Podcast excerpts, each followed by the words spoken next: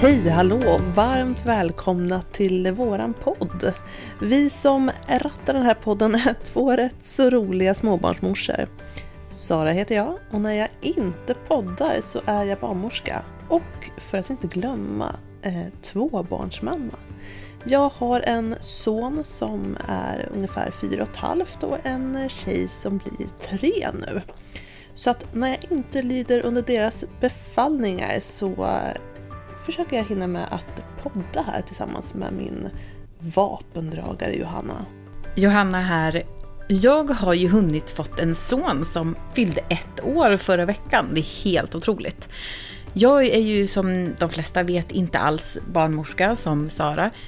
Men jag är otroligt frågvis och eh, jag har otroligt många frågor inför det här avsnittet Sara. För vi går nämligen in i månad sju. Välkomna!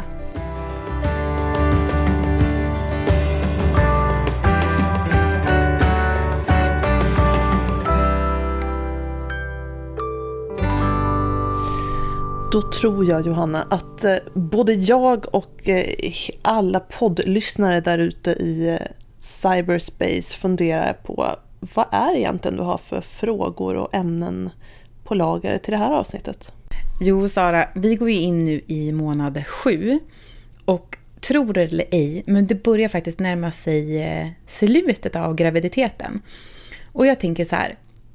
Idag ska vi prata om amning. Och det kan jag tycka är lite så här konstigt nu. Att prata om amning i den här tiden. För att nu är man ju inte alls intresserad av... Du tänker att man fortfarande är gravid? Ja, jag tänker att man fortfarande är gravid. Och jag vet att du Sara var på mig ganska exakt i den här tiden. amning.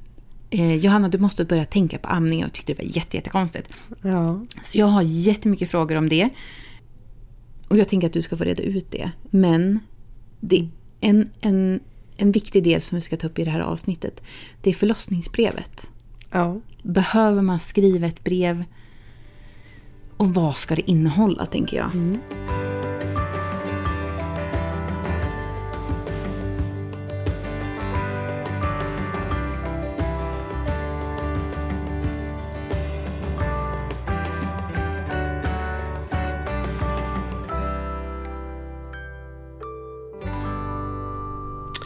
Ja, det är ju två rätt så vanliga frågor och eh, reflektioner. Många säger ju att det här med amning inte tas upp någonting i graviditeten. Man får inte tillräckligt med information under sin mödravård och så vidare. Det är ju en sanning med modifikation. Det kan såklart vara väldigt olika hur eh, regioner väljer att informera om det här med amning. Men nog pratar vi om amning. Eh, det står till och med i vårt basprogram där mot slutet av graviditeten och det är också någonting som tas upp på föräldrautbildningarna. Jag som då har haft de här föräldrautbildningarna vet att eh, nästan halva den här föreläsningen på typ fyra timmar handlar om amning. Eh, och är rätt förvånad över att samma personer sitter sen och säger att de önskar att de hade fått mer information om amning. Men jag tror att man är inte riktigt där då. Framförallt inte om det gäller första barnet. Och ehm, då kan man ju fundera lite på, då kanske det inte är rätt att ha det där ändå. Det är en liten eh, djupare filosofisk eh, fråga som vi kan kanske glida in mer på senare. Vi tänkte ju faktiskt köra ett extra avsnitt om enbart amning framöver. Mm, och jag tror att det är jätteviktigt, för jag var precis som de personerna i eh, din föreläsningssal. Jag var inte alls intresserad av amning. Du halvsov lite, det var sent på måndagskvällen. Ja, jag tog en extra... Dextrosol. Ja. och ändå såg du lite halvvissen ut. Halvvissen och eh, sjukt ointresserad. Ja. Så jag tycker så här, amning är jätte, jätteviktigt. Eh, man kanske inte riktigt förstår det här och nu och varför man ska prata om det. Men det är just därför vi lyfter det här avsnittet. Men också så här, vi kommer göra ett extra avsnitt för det är så viktigt. Ja men det är väl lite som det här med att du började eh, det här avsnittet med att säga att oh, han är redan ett år, tiden går så fort.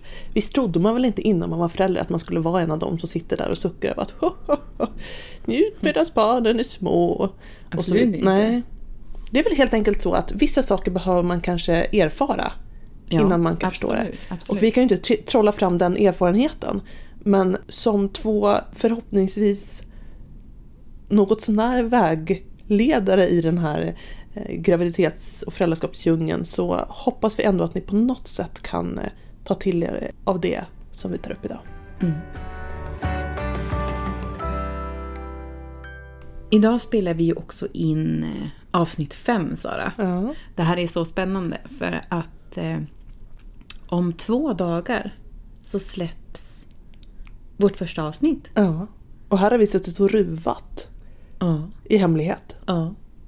Inte riktigt hemligt, det var ju faktiskt så att, att eh, den här podden hade inte blivit till om det inte vore för att alla mina följare på Instagram eh, tjatade och gnatade om den här podden. Jag är ju ingen inbiten poddlyssnare. Jag blir lätt uttråkad och tycker att de flesta poddar är rätt tråkiga. Mm. Ehm, och tänkte att men gud, hur kommer någon vilja lyssna på mitt babbel? Mm. Eh, Men här är vi nu och det är ju, har ju varit en fantastisk resa. Det har varit jätteroligt. Det har varit jätteroligt. Men jag, jag är lite nervös. Ja, absolut. Alltså jag då som inte är i den offentliga världen. Som om vi... Som, som Ja, du är. det vet jag du inte. måste ju någonstans ändå så här, mer offentlig än vad jag är. Jag är lycklig om, om grannen vet vad jag heter. Alltså jag, jag har ju aldrig varit ute efter något slags kändisskap. Ibland kan jag se hur folk stirrar lite i, Är det så? i, att de tittar ja, lite, lite, i lekpark eller där det är mycket barn. Och Ja. Någon gång när jag var på väg hem med barnen från förskolan, det är ju inte långt, hur långt kan det vara typ? Nej, typ 500 meter. Ja, ja inte ens det tror jag. Nej. Men då var det ju en granne som kom och frågade, är det inte du som är instamorskan? Ja, du ser. Så jag Det är säger jättekonstigt. Jag säger det. Vi är båda nervösa och lite pirriga Ja. över, över vad ni lyssnare kommer tycka, tror jag. Ja, vi tycker ju, det här är ju våran hem, eller liksom, vi sitter ju mycket och pratar om ditt och datt och tycker ju ändå att vi har rätt så kanske lika åsikter och reflektioner. Men vi är ju fullt medvetna om att vi är ju långt ifrån alla. Ja, absolut. Och därför så tycker vi också att det är så här. Vi skulle också vilja veta vad ni vill höra. Precis. Vi kommer ju att köra den här första, vad man ska säga, eh, släppet av poddavsnittet där vi går igenom eh, de här graviditetsmånaderna. Sen kanske det blir så med amningen nu att vi fastnar för ett ämne som vi vet tar stort utrymme och eh, som kanske behöver ett eget temaavsnitt. Då kan det hända att vi slänger in det lite.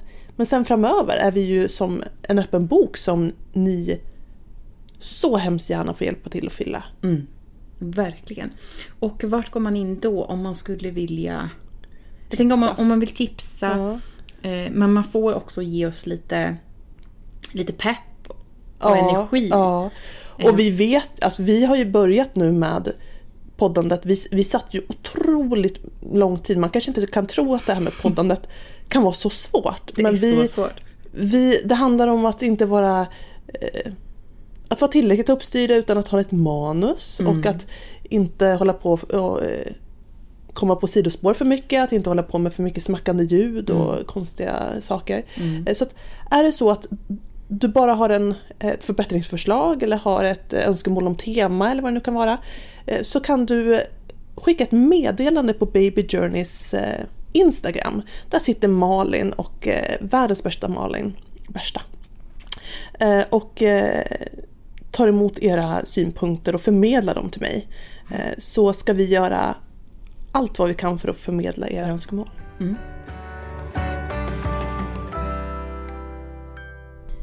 Jag tycker Sara att vi, eh, vi börjar med det som vi har pratat mest om sen vi startade nu. Amning. Ja. Och eh, den frågan som jag kanske ställer mig mest, liksom så här, den som jag mest undrar över varför vi pratar om just här och nu. För att som jag sa innan, jag var inte alls redo för att prata om amning där och då. Då var jag så himla fokuserad på så här, ska de inte prata mer om förlossning och, och så vidare. Men, men du var ju på mig i mån, och ganska exakt i månad sju angående amning. Och jag har en fråga så här, hur ska man, hur ska man tänka med amningen? Och varför är det så viktigt att prata om det nu? Nej, men jag tror att först och främst kan det vara bra att man reflekterar lite kring det här med vilja amma. Eh, Det är ju inte så att man måste amma. Nej.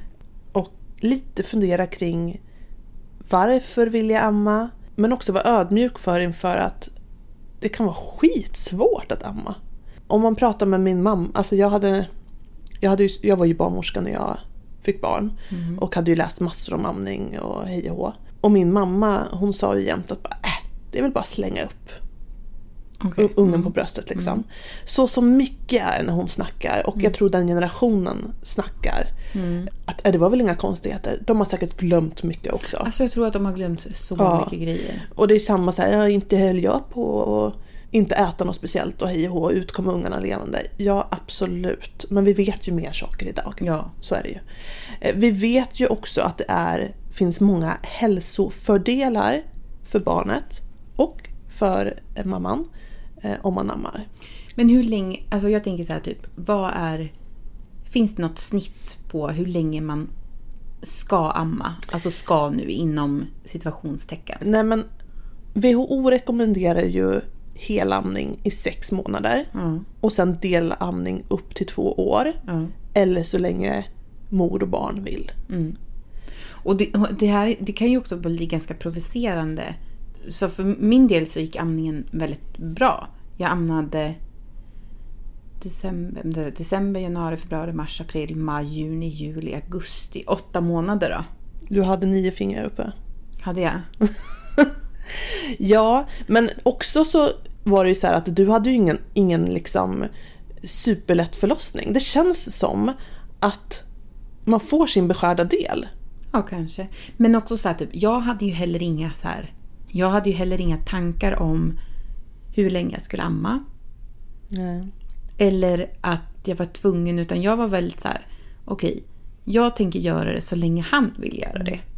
Du hade ju rätt så neutral inställning till det här och kanske inte hade så mycket press och stress över amningen. nej. Och det kanske hjälpte dig. Men Men det det, ja, kanske eller kanske inte, jag vet inte. men det finns ju också de som har känner en otrolig press i att åh, det här ska funka. För man får inte glömma att det här med att ge sitt barn mat är en sån grundläggande eh, liksom, djurisk drift i oss. Och kanske därför vi också tar oss fräckheten och friheten att kommentera folks sätt att amma. Eller mata sina barn. Alltså jag förstår inte. Ja, Varför måste alla lägga sig i? Om, om, om Kajsa väljer att amma i två år eller om hon väljer att amma i en månad. Ja, det tror jag vi kan diskutera ett helt... Det kan vi diskutera till och det är därför jag känner så här. Vi kommer prata om amningen till ett till helt nytt avsnitt. Men, men liksom, vi behöver inte radda upp, det kommer vi komma till i det avsnittet. Men, men det finns eh, sammanfattningsvis ett gäng hälsofördelar för både mor och, eh, och barn.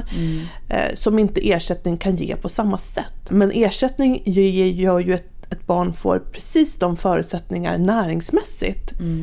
För att de ska kunna utvecklas som ett ammande barn. Och jag, jag, vi gav ersättning eh, till våran son de första två månaderna tror jag till och med att det blev. För att... För att i början så gick han inte upp tillräckligt. Eller vi, jag fick inte igång amningen ordentligt. Nej. Så han fick inte, alltså han var väl hungrig stackarn. Då var det BVC som sa till det, eller var det på BB? Nej, det var på BB. Ja. Så, så fick vi, så vi gav honom ersättning ganska långt in. Jag tyckte det var ganska skönt för han, han, han var ju så himla tunn. Så då tänkte jag så här, det här blir ett bra... Det kan ju också vara lite frustrerande så här, som eh, när man ammar att man vet inte hur mycket barnet får i sig. Nej. Ehm, Men det vet man väl fortfarande inte?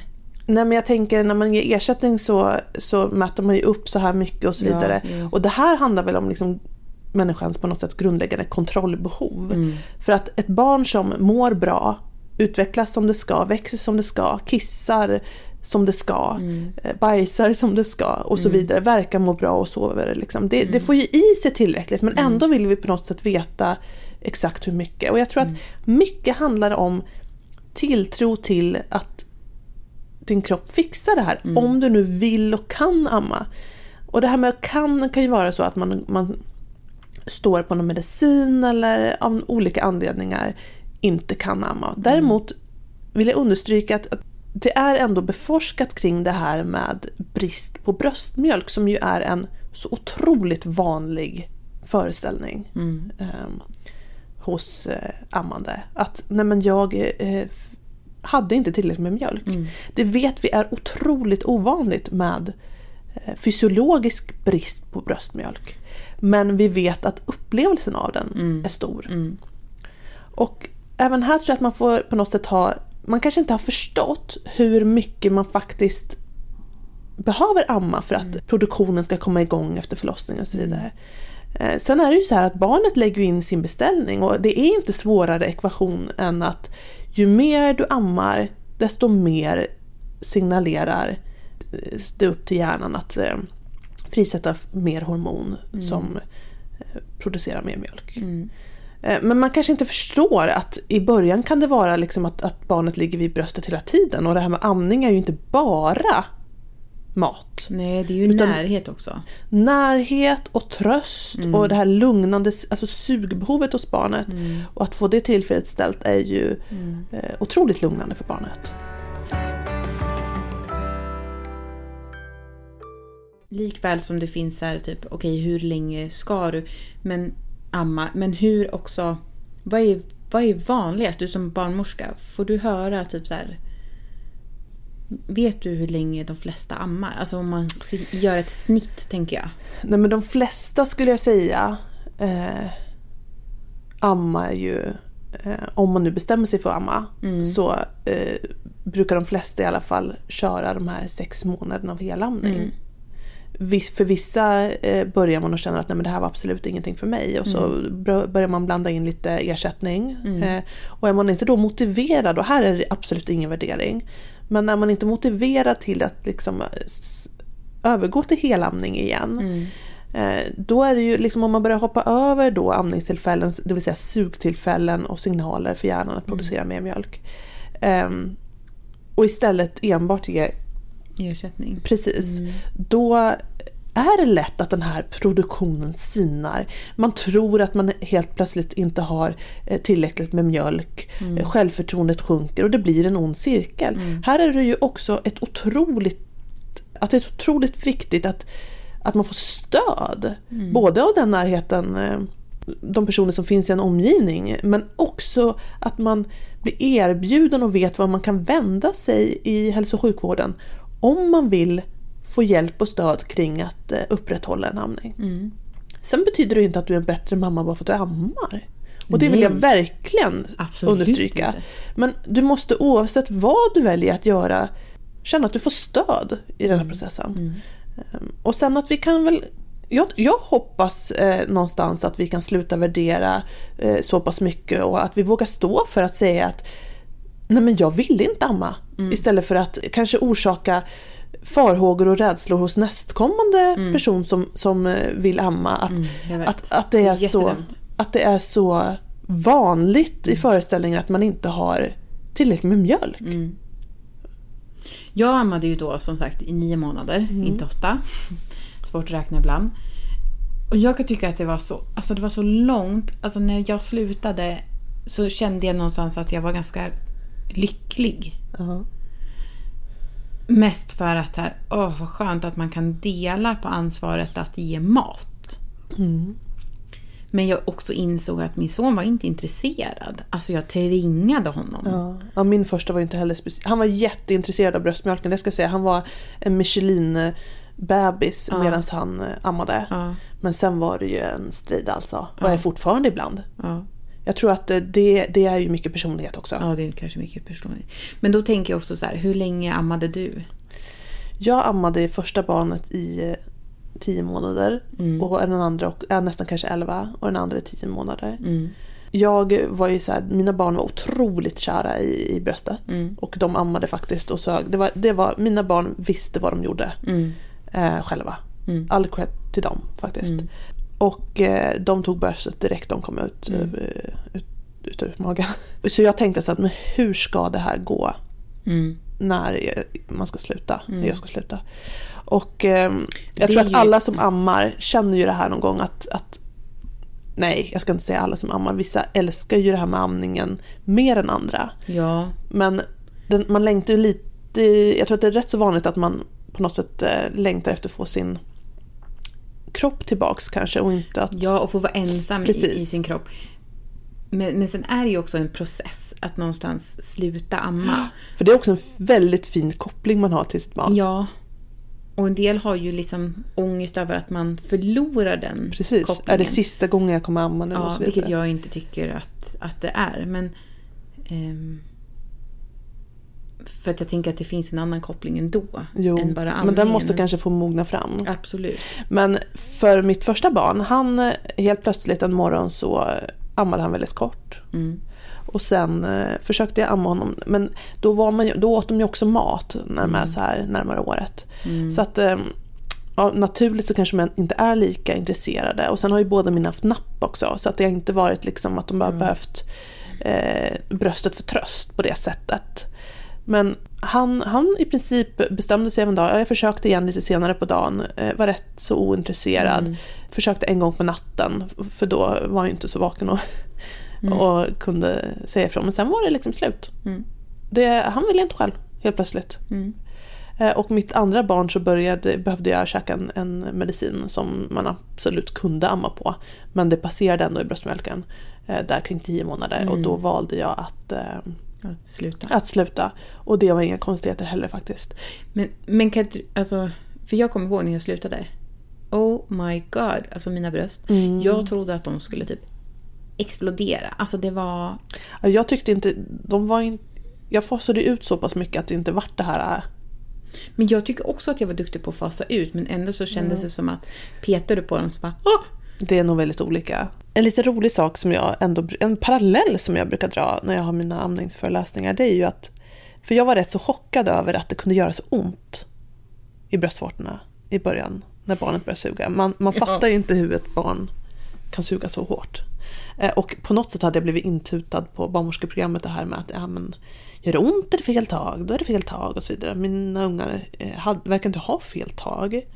Utan det, ibland kan det bara vara så att det är rätt ändå. Eh, Men det är klart att man ska kika så att eh, utesluta att det är något fel om, det gör ont. Men det här intensiva sugandet på ett ställe som det inte har sugit så intensivt på innan.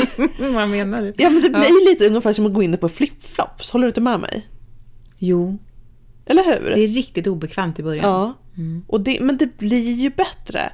Och är det några råd vi vill ge så här på vägen så är det ändå att ta det inte för självklart. Vi är många som har tyckt att det är eh, svintufft i början. Vill du inte amma så måste du inte. Men det blir ofta så mycket bättre eh, när båda har lärt sig. Och det kan ta en månad eller två. Och tveka inte på att be om hjälp och stöd. Fråga, en, fråga, fråga, ja, fråga. en kompis som kanske har ammat. Fråga mamma om hon nu minns och eh, kan sätta sig in lite om hur det kan vara eh, idag att amma. Eh, eller be BVC om hjälp och stöd. Och tycker du inte att du får bra med stöd eller får värderande stöd från BVC eller något som inte passar dig. Ja men ring då till Amningshjälpen eller försök att få tag på något annat Men så finns det ju också saker och ting som, som underlättar. Jag hade ju då den här amningsnappen. Mm.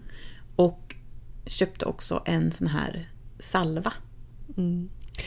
Alltså den här amningsnappen eh, tycker jag ju också är himla bra. Framför allt för att kvinnan, eller den som ammar, kan få känna att hon får lite hjälp psykiskt liksom, i, i det här och att det kanske inte gör så ont. Men, men som barnmorska, kan du säga... Eller, Det är många som är kritiska till den här nappen och det är väl framförallt för att det kan vara rätt så svårt att bli av med den här nappen sen. jag vet, det är det jag kommer att tänka komma till.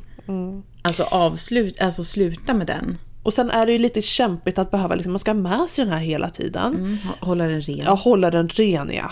Eh, Och hej och hå. Så att det är ju lite, förstå, tar ju lite bort skärmen av det här enkla med att eh, bara ha med sig bröstet så att säga. Som är Men jag, alltså, jag hade den i... eh, Jag hade den i veckor. Jag kommer inte ihåg hur många veckor. Men jag vet att jag hade en kompis som sa så här. Nu, idag, idag Johanna. Nu, nu plockar du bort nappen. jag bara, nej. Nej det, kommer, nej, det kommer aldrig gå. Det kommer aldrig gå. Lite kul ändå för att eh, eh, göra något skoj av det här eh, kämpiga, trixiga tiden och eh, den här tiden som man på något sätt måste dela till så stor del med någon annan.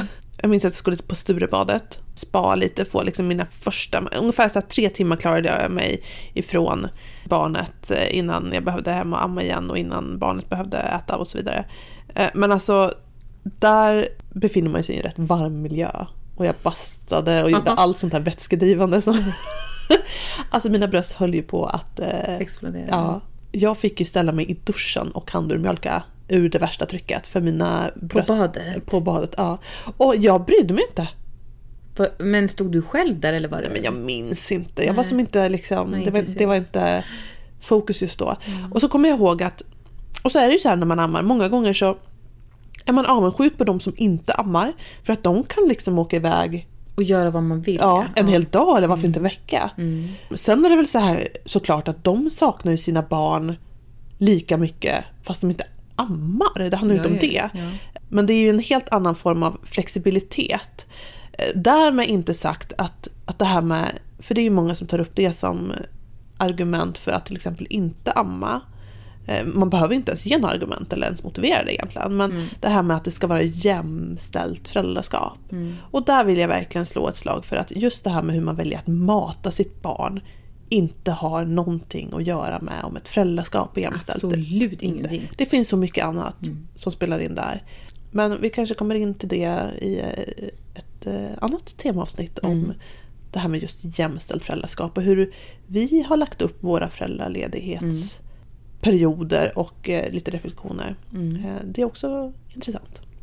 Jag har faktiskt inget... Jag kan inte komma... Jag, någonstans måste jag ha det lite som en, eh, en bubblare till amningsavsnittet. Ja, men ruva på den. Ja, jag ruvar på den. Så Jag, jag måste ta, ta mig tillbaka till, till amningstiden och, klura ut dem. Jag har inget sånt där som du vet poppar upp i... ingen gång när du har råkat skjuta iväg en stråle på Jo, Grann. på grannen. Nej. Men, men däremot på min sambo. Ja men det är ju lite speciellt där när mjölken rinner till efter förlossningen och de bara är så stora så att eh, man hinner ju inte fram en handduk från duschen än så det Nej. bara sprutar. Nej. Jag tänker att vi ska prata om förlossningsbrevet. Mm. Det här är ju någonting som... Jag har ju lite svårt för det här. Ehm, Jag skrev ju inget brev. Men... För jag, jag vet inte riktigt om jag, om jag tror på det, för jag tänker de som är där är ju proffs och har gjort det hundratusen gånger om. Pratar du om det här med din barnmorska? Om du skulle skriva ett brev eller inte? Ja, jag gjorde det. Och eh, jag sa att jag inte är intresserad. Hon bara, nej, men vi kanske ska skriva någonting. Att barnmorskan skulle skriva något i journalen i alla Ja, fall. precis. Mm. Och då, då skrev hon att, eh, för jag sa att min sambo kanske svimmar. Då, sa hon så här, okej, är det typ det du skriva? Jag bara, ja. Så att de vet om att han kan liksom singla ner. Mm, varpå min sambo som var med under det här samtalet sa, okej, om jag singlar ner, då vill jag att de inte bryr sig om mig. Och, och min barnmorska bara, okej, v- vad menar du? Så här, fokus på Johanna, fokus på Johanna och barnet, inte mig. Så här. Och, och hon bara, ja fast du vet, det är ju ingen som låter dig ligga där, avsvimmad. Och han bara, nej, okej. Ja men jag tänker, skit i mig, skit i mig, det är inte, det är inte viktigt. Nej, jag Eh, fattar. Men, men återigen till det här brevet. Jag undrar hur många skriver brevet och vad... Okej, jag har massa frågor. Hur många skriver det? Varför skriver man det? Och vad innehåller det här förlossningsbrevet? Och är det viktigt? Hörde, men- du, hörde du många frågor jag hade? Kan vi, jag Vi- jag vi- kanske inte kommer... Du, Nej, men du, vi- får, du får rätta in mig på spåret om jag inte besvarar allt. Ja, men absolut. för att börja med så kan vi säga att barnmorskan Mm. skriver ju en sammanfattning av graviditeten omkring kanske vecka 35 till 38 någonstans beroende på Mm. graviditet. Där står det ju om du äter några mediciner, hur graviditeten har varit, om du är frisk sedan tidigare och så riskbedömer vi faktiskt eh, graviditeten inför förlossningen. Till exempel om du har en graviditetsdiabetes och det finns risk för att barnet kanske får lite lågt socker efter förlossning och så vidare. Sen riskbedömer vi när man kommer fram till förlossningen också. Men det här är ju ett sätt att på något sätt eh, Förbereda. Ja, och se till att man kan erbjuda liksom så pass eh, trygg vård som möjligt. Mm. Så att man är förberedd på vad som skulle kunna hända just i ditt fall. Det är ju inget värderande där heller utan Nej, men det, Ja, du förstår vad jag ja, menar. jag förstår. Ja. Så att, sen finns det också ett sökord i slutet av den här sammanfattningen som heter inför förlossningen. Mm. Och där brukar jag skriva då. eh, Det, Som till exempel i mitt fall hade du skrivit att sambo kan svimma. ja, alltså, de allra flesta brukar önska något i stil med att ja, jag önskar ta förlossningen som den kommer. Mm. Jag önskar rak och tydlig kommunikation. Mm. Och jag är öppen för smärtlindring. Mm. Sen finns det vissa som vill notera att de är jätterädda för sprutor. Mm. Att de absolut vill ha en epidural. Mm. Eller att man kanske har gått i samtal under förlossningen för förlossningsrädsla. Mm. Och den här planen vill man att de eh, tar del av. Man kanske har gjort en förlossningsplan Mm. tillsammans med barn, samtalsbarnmorskan. Ja, men det tänker jag så här, det är väl ganska vanligt om man har då... Alltså jag då som är första gångs förälder har ju ingen... Alltså jag vet ju inte vad som väntar mig. Men det är ju kanske också din typ av personlighet. Att du inte har... Du nojade ju inte så mycket över det. Du kastade dig inte över varenda bok som fanns att läsa om att Nej, föda barn. inte. Du tog det ju lite som det kommer. Så är ju inte alla. Nej. Och eh, här vill jag bara slå ett slag för att försöka att läsa på lagom mycket. Och förbereda dig lagom mycket. För det handlar också om att vi kan inte kontrollera allt. Framförallt inte en förlossning. Nej, framförallt inte det här. Det här är det sista man kan kontrollera. Ja, och sen kan det finnas en anledning till att liksom, eller en vinst i att inte läsa på, ha för höga föreställningar om hur förlossningen ska vara. För att då är det ju lätt att man blir besviken efteråt. Om man tror att det bara är, om man har sett massa YouTubes på där eh, folk föder barn utan att, att göra ifrån sig ett ljud och bara lyfta upp benet och ta emot sitt barn själv. Då tror jag att många skulle bli väldigt besvikna. Mm. Det är ju eh, fascinerande att vissa lyckas med det här. Eh, Och jag vill inte lägga någon, något värderingsord i det heller för det är inget, ingen värdering i, i att eh, låta eller inte låta under sin förlossning. Mm. Eh, det handlar ju mer om att man känner att man har kontroll över situationen Mm. när man föder barn. Att man krystar på ett effektivt sätt och så vidare. Mm. Men som svar på frågan om man måste skriva ett förlossningsbrev, nej. Mm. Eh, Känner du att det hjälper dig att eh, ha någon slags kontroll över situationen? Eller att du har svårt att förmedla? För de allra flesta kommer ju in när de fortfarande kan prata. Mm. Ja, men, och det var det som jag tror att gjorde att jag verkligen inte skrev något. För jag tänkte så här, om, i värsta fall, om jag inte kan prata så kan ju min sambo prata. Exakt. Men, men då, frågan då är så här, är det många som skriver sånt här? Vet ja, det, det, bero- nej, det finns ju ingen statistik på hur många som skriver förlossningsbrev. Men jag, jag skulle bara, det här är bara nu min gissning. Mm. Men jag skulle gissa på att det är mer vanligt i högutbildade områden Mm. som kanske har ett högre kontrollbehov. Det här är bara mina spekulationer. Mm. Eh, För att det på något sätt är ett sätt för oss att kontrollera förlossningen. Ehm, men med det sagt vill jag också eh, verkligen slå ett slag för att jag menar, det, är väl, det är väl jättefint om man reflekterar kring hur, hur man kanske skulle vilja föda sitt barn så att man inte ångrar sig i efterhand. Nej. Men samtidigt den här gyllene balansen som kan vara jättesvår eh, att nå. Men lagom mycket. Mm. Och sen om du skriver ett förlossningsbrev eh, så läser vi ju det på förlossningen Mm. eh, så länge vi hinner. Och det hinner vi ju aldrig, de allra flesta fall göra ju. Mm. Ehm, men inte fem A4 Mm. med texter. Nej. Utan skriv det som är allra viktigast och framförallt hur du önskar att få din kommunikation. Mm. Och att just att skriva förlossningsbrevet eh, tror jag är en bra process att gå igenom som par. Lite hur man önskar sitt stöd och så vidare. Mm. Kanske inte ens behöver resultera i ett fysiskt brev som man faktiskt lämnar in. Utan mer samtalet. Jag tror det är väldigt viktigt. Men då skulle jag vilja koppla till ett av de första avsnitten som vi hade när vi pratade om eh, profylax. Ja. För i och med det så vart jag och min sambo i alla fall ganska samspelta om hur vi skulle tackla förlossningen. Ja. Och det kan ju också vara en grej. Ehm, Men det här har jag inte ens tänkt på. Nej Vi men det är ju skulle- samma form av det är typ samma förelse. form, men vi, vi skulle kunna ha pratat lite mer om inför förlossningen. Ja. Alltså inte skriva ett brev, fysiskt brev som du säger. Och jag brukar, jag brukar ju säga att det är svårt att föreställa sig hur man mår och hur man eh, reagerar och hur Mm. man önskar stöd eh, när man kan ha väldigt ont. Eh, Men jag brukar jämföra det som att ja, när du är ordentligt magsjuk, hur vill du ha ditt stöd då? Ja. Vill du bli lämnad i fred? Vill du att nå- någon duttar dig med en kall handduk i pannan? Eller vill du att någon bara står bredvid? Sara, mitt eh, absoluta favoritdel i podden är här. Jag har längtat ända sedan förra avsnittet av podden. Alltså, ni kan ju inte se Sara nu, men varje gång jag säger det här att vi ska prata om min favoritdel, då sluter sig ögonen och hon bara nej. Alltså skakar på huvudet. Nej, nej, nej. Eh, och jag förstår Sara i, i den delen att det här finns ju inget Vetenskapligt. vetenskapligt i, i det här. Men det här är min favorit. Och det här var min favorit under hela graviditeten. Och första avsnittet av podden. Ja, första avsnitten av podden. För att jag tycker att det är spännande att förstå hur stort ungefär fostret är för att någonstans få en, en uppfattning om ett barn. Ja, och det är, fyller väl det syftet att det blir det är ett verk, relaterbart mått på Ja, barnet. ja. Det är väl det som är grejen. Det är Ja. så overkligt kring det här med graviditeten och att man faktiskt bär på ett barn.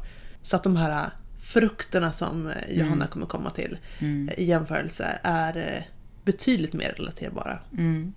Och i förra avsnittet drogs jag också med i, i, i någon slags...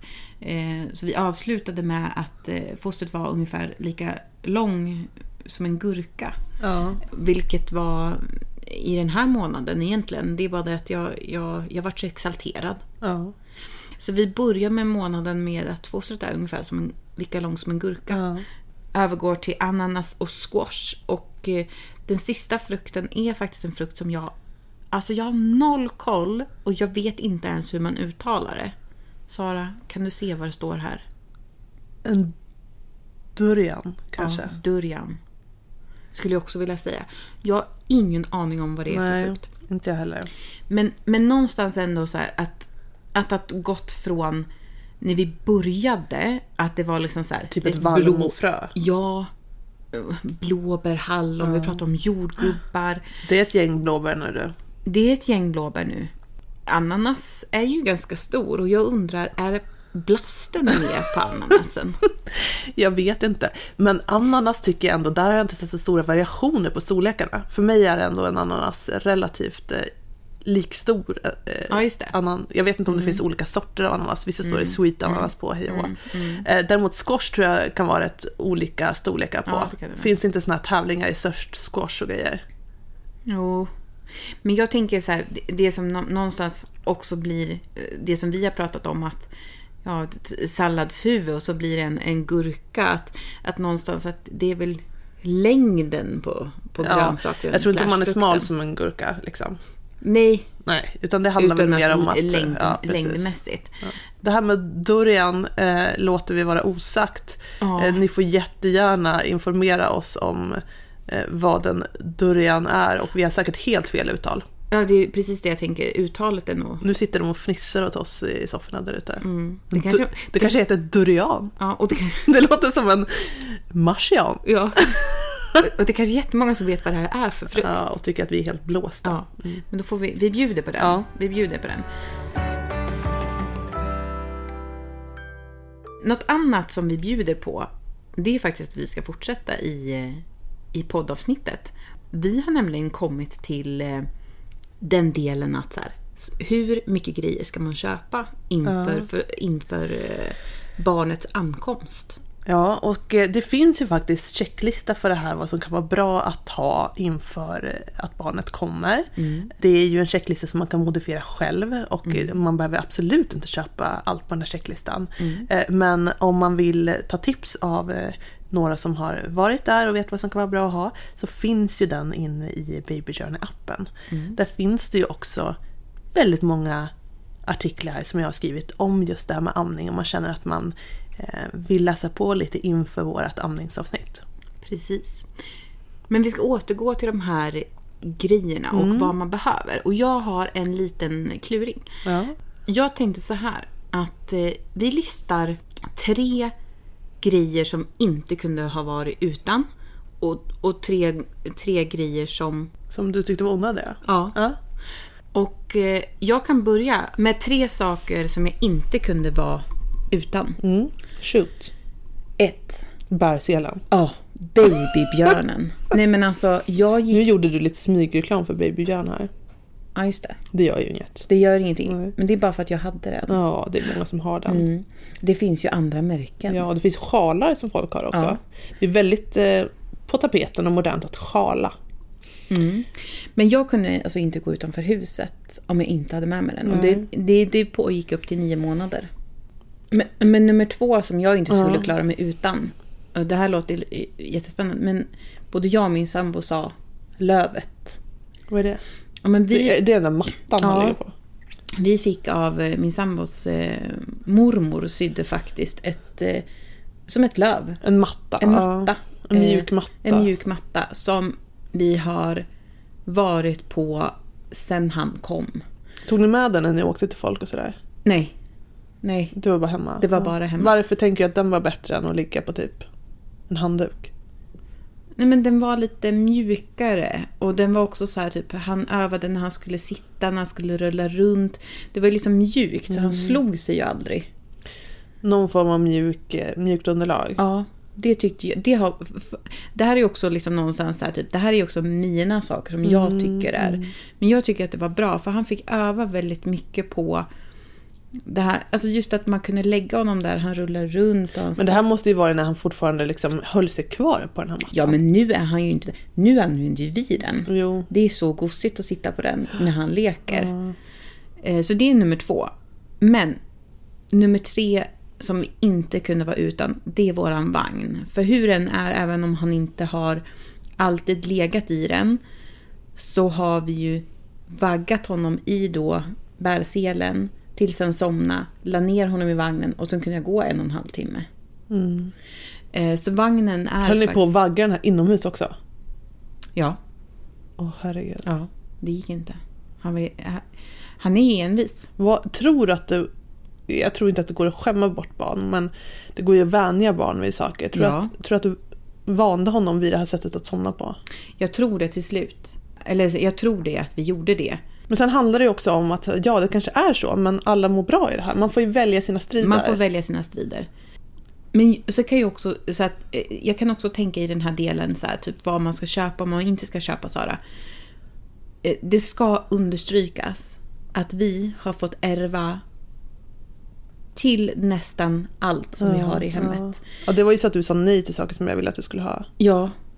Eh, alltså vi har ju en otroligt fin, Förmån. f- ja verkligen, av Johns eh, bror och fru ehm, som har två barn innan.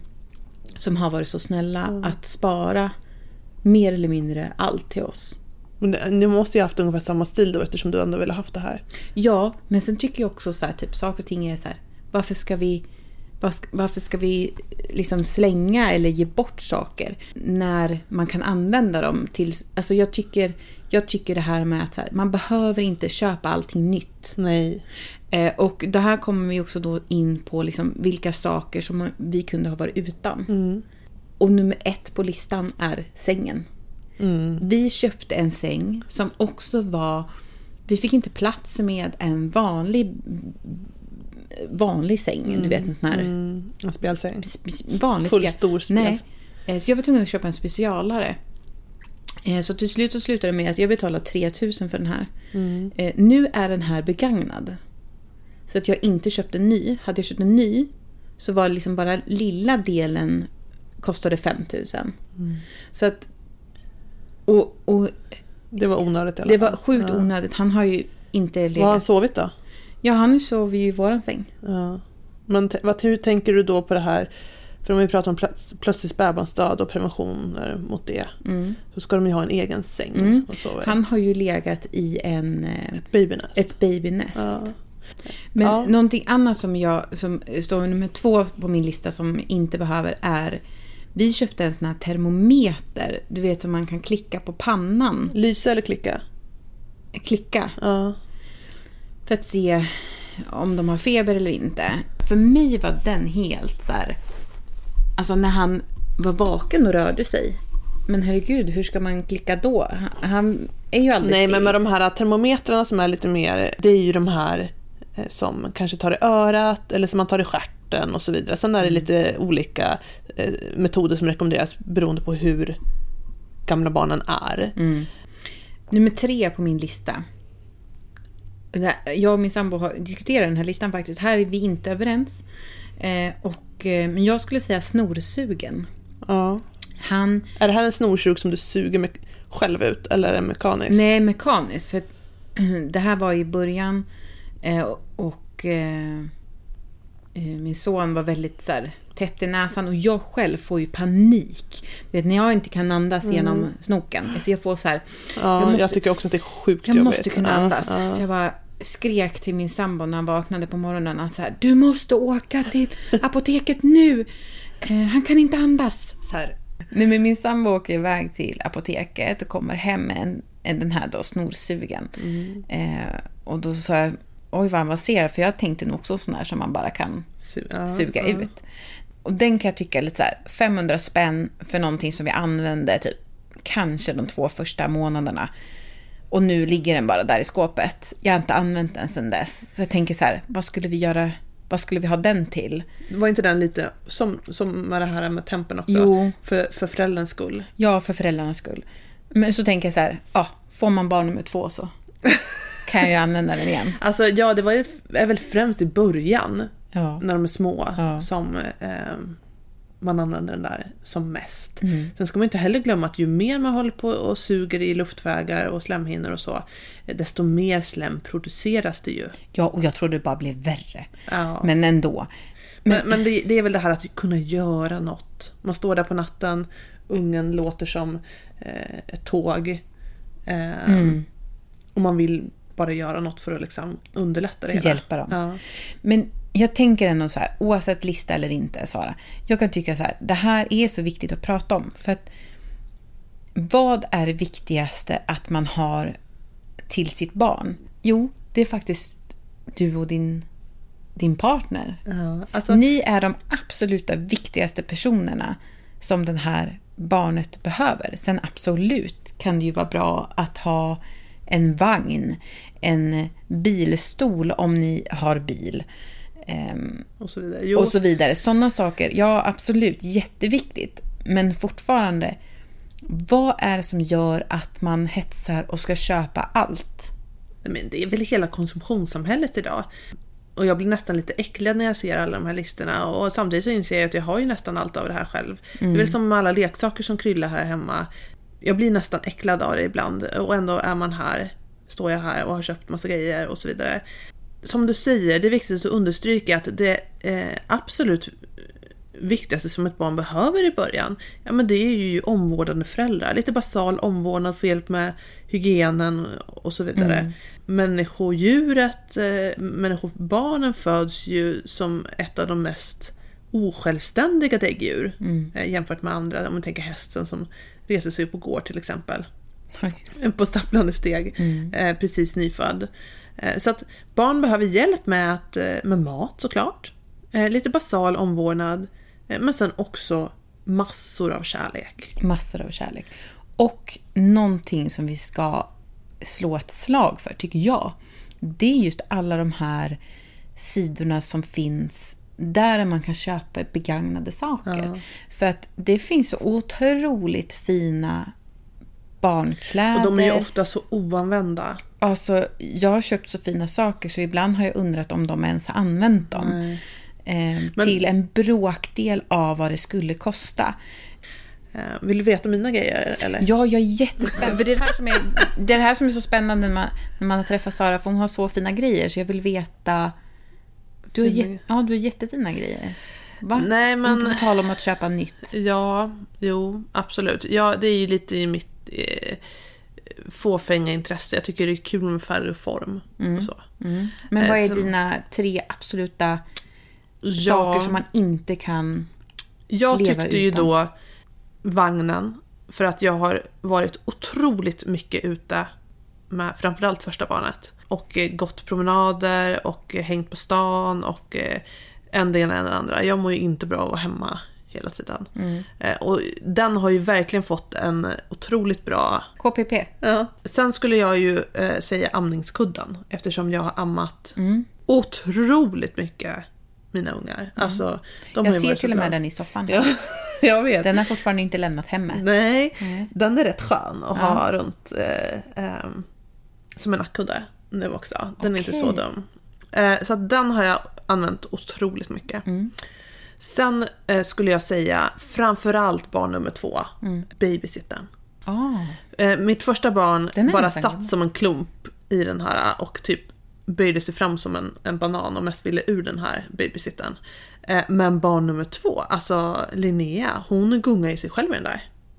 Det, det förstod aldrig mitt första barn. nej, hur man gör. Nej. Så hon gungade den där och var, hon älskar ju gunga, vanlig gunga nu också på ett sätt som eh, Lukas aldrig har gillat. Så att den eh, var fantastisk som avlastning. Onödiga grejer då? On, ja, onöd, de tre onödigaste grejerna. Ja, eh, det måste väl vara alla de här plaggen i typ storlek 56. Knappt han använda innan de växte sig för stora. Jag använder ju mycket av Jo, men det var ju också för att mina unga var så stora. De växte så snabbt. På. Sen vet jag inte riktigt mer. Vad är det mer som har varit onödigt? Ja, men det har väl kanske varit alla så leksaker också när de har varit små. och Inte... Och den här med tempen, det håller jag ju också med om. Eh, Jag tycker att det räcker att ha en vanlig. Och sen den sista grejen som kanske var onödig, det här blir väldigt på detaljnivå. Och den kanske sista saken då, om jag ska fundera lite, den kanske är väl långsök, men det är väl sommarsuffletterna till vagnarna. De släpper igenom massa ljus. Två, de släpper igenom massa kryp. Eller var det nät i dem kanske? Det, var. Det är nät i dem. Ja. Jag, tyck, jag förstår inte alls nu, för den, de här, jag tyckte att den var jättetrevlig. Jo, men de är ju så tunna så det blir så himla varmt där inne. Så de här sommarsuffletterna har i alla fall jag aldrig använt. Däremot är de ju sjukt snygga. Ja, jag använde dem jättemycket. Jag tyckte de var jättebra, för då kom det in det lite luft när det var så varmt ute. Men någonting som vi också ska slå ett slag för, inte bara de här sidorna som man kan gå in och hitta begagnade saker, men fråga vänner och bekanta. Det är många, som jag har i alla fall i min vänskapskrets, som har barn. Eh, och många som, Du har fått tips från. ja, Men också att köp inte på er en bärsele kanske som är rätt dyr innan du vet att du behöver en bärsele. precis. Eh, Köp inte på dig en, eh, vad det än nu må vara innan du vet om du verkligen behöver det eller inte. Men man kan faktiskt också låna. Säga att jag vet att du har en bärsele. Då kan man faktiskt fråga Sara, hej skulle jag kunna få låna bärselen i en vecka för att se om mitt barn tycker om det eller inte? Nu har vi ju pratat i tid och otid känns det som här eh, under det här avsnittet. Men det är ju också, har ju varit lite rätt många filosofiska frågor. Eh, förutom det här eh, då i kontrast eh, till det praktiska som man behöver ha med sig eventuellt då inför att barnet kommer ut. Men du brukar ju så fint summera lite kring vad det är som händer inne i magen under de här veckorna. Ja, Sara, fostret börjar nu bli väldigt alltså, stor. Så det har lite svårt att, att röra sig. Så nu kommer det kommer liksom, sparkarna bli mer som knuffar, skulle jag kunna säga. Förstår du? Ja, Eh, ja jag förstår. Och kroppen börjar också förbereda sig Det inför börjar förlo- helt enkelt känna sig lite trängre där. Ja, det börjar Trångt bli trångt. Ja. Och kroppen börjar också nu förbereda sig inför förlossningen. Så att man kan få, det är väldigt vanligt att få lite förverkar. Mm. Och ibland så, jag har lite så svårt för så här, vad är förverkar? Men tänker lite som eh, en mensvärk. Ja, sammandragningar innan man går in i fullgången tid ska ju inte göra ont. Men jag tänker att det här kanske är en tillfällig liten verk som vid ansträngning gör sig till känna och som eh, försvinner direkt när man vilar igen. Och eftersom att fostret blir större och större så blir ju också lungor, urinblåsa och magsäcken får ju lite mindre plats.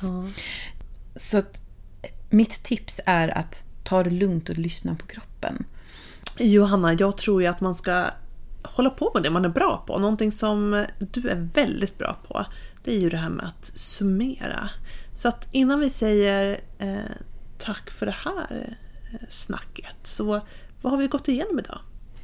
Jo, Sara, vi har pratat om amning. Någonting som jag tyckte var jättekonstigt att vi skulle prata om i början. Ja, innan, innan barnet är fött. Ja, innan barnet är fött. Men du kanske kan förstå det nu ändå? Nu kan jag förstå det. Precis. Önskar du efterhand att barnmorskan hade tryckt på mer eller hade det inte spelat någon roll? Du var inte där. Det hade inte spelat någon roll för jag var inte där. Nej. Så att amning eh, har vi pratat om idag och eh, just vikten av att amma eller att inte amma. Vi lägger inga värderingar i det. Nej, och att eh, vi pratar om amning för de som vill amma och försöker ge tips och tricks kring att eh, ja, men som underlättar amningen helt enkelt. Mm. Vi har också pratat om det här älskade förlossningsbrevet. Ska man verkligen skriva ett eller inte? Jag gjorde inte det, klarade mig ändå. Ja, jag gjorde ju inte heller det, men jag tänker att mig kanske man inte kan ens ta som referens. Nej, eftersom, det är lite svårt. Ja, men det är ju någonting som i princip varenda gravid frågar om i alla fall. Eh, på mödravården. Vi har också listat våra absoluta måsten under, under själva... Ja, inte väl måste så, men någonting som har underlättat vårt föräldraskap. Ja, ja. eh, Kan man väl säga. Och Eller- också de tre omvårdnad. sakerna som vi kanske inte behövde köpa. Nej. någonstans också viktigt att prata om. Det går att vänta med att köpa. Man behöver inte köpa allting innan barnet kommer. Man kan vänta och se vad som behövs. Det viktigaste, det absoluta viktigaste i barnets liv, det är ni.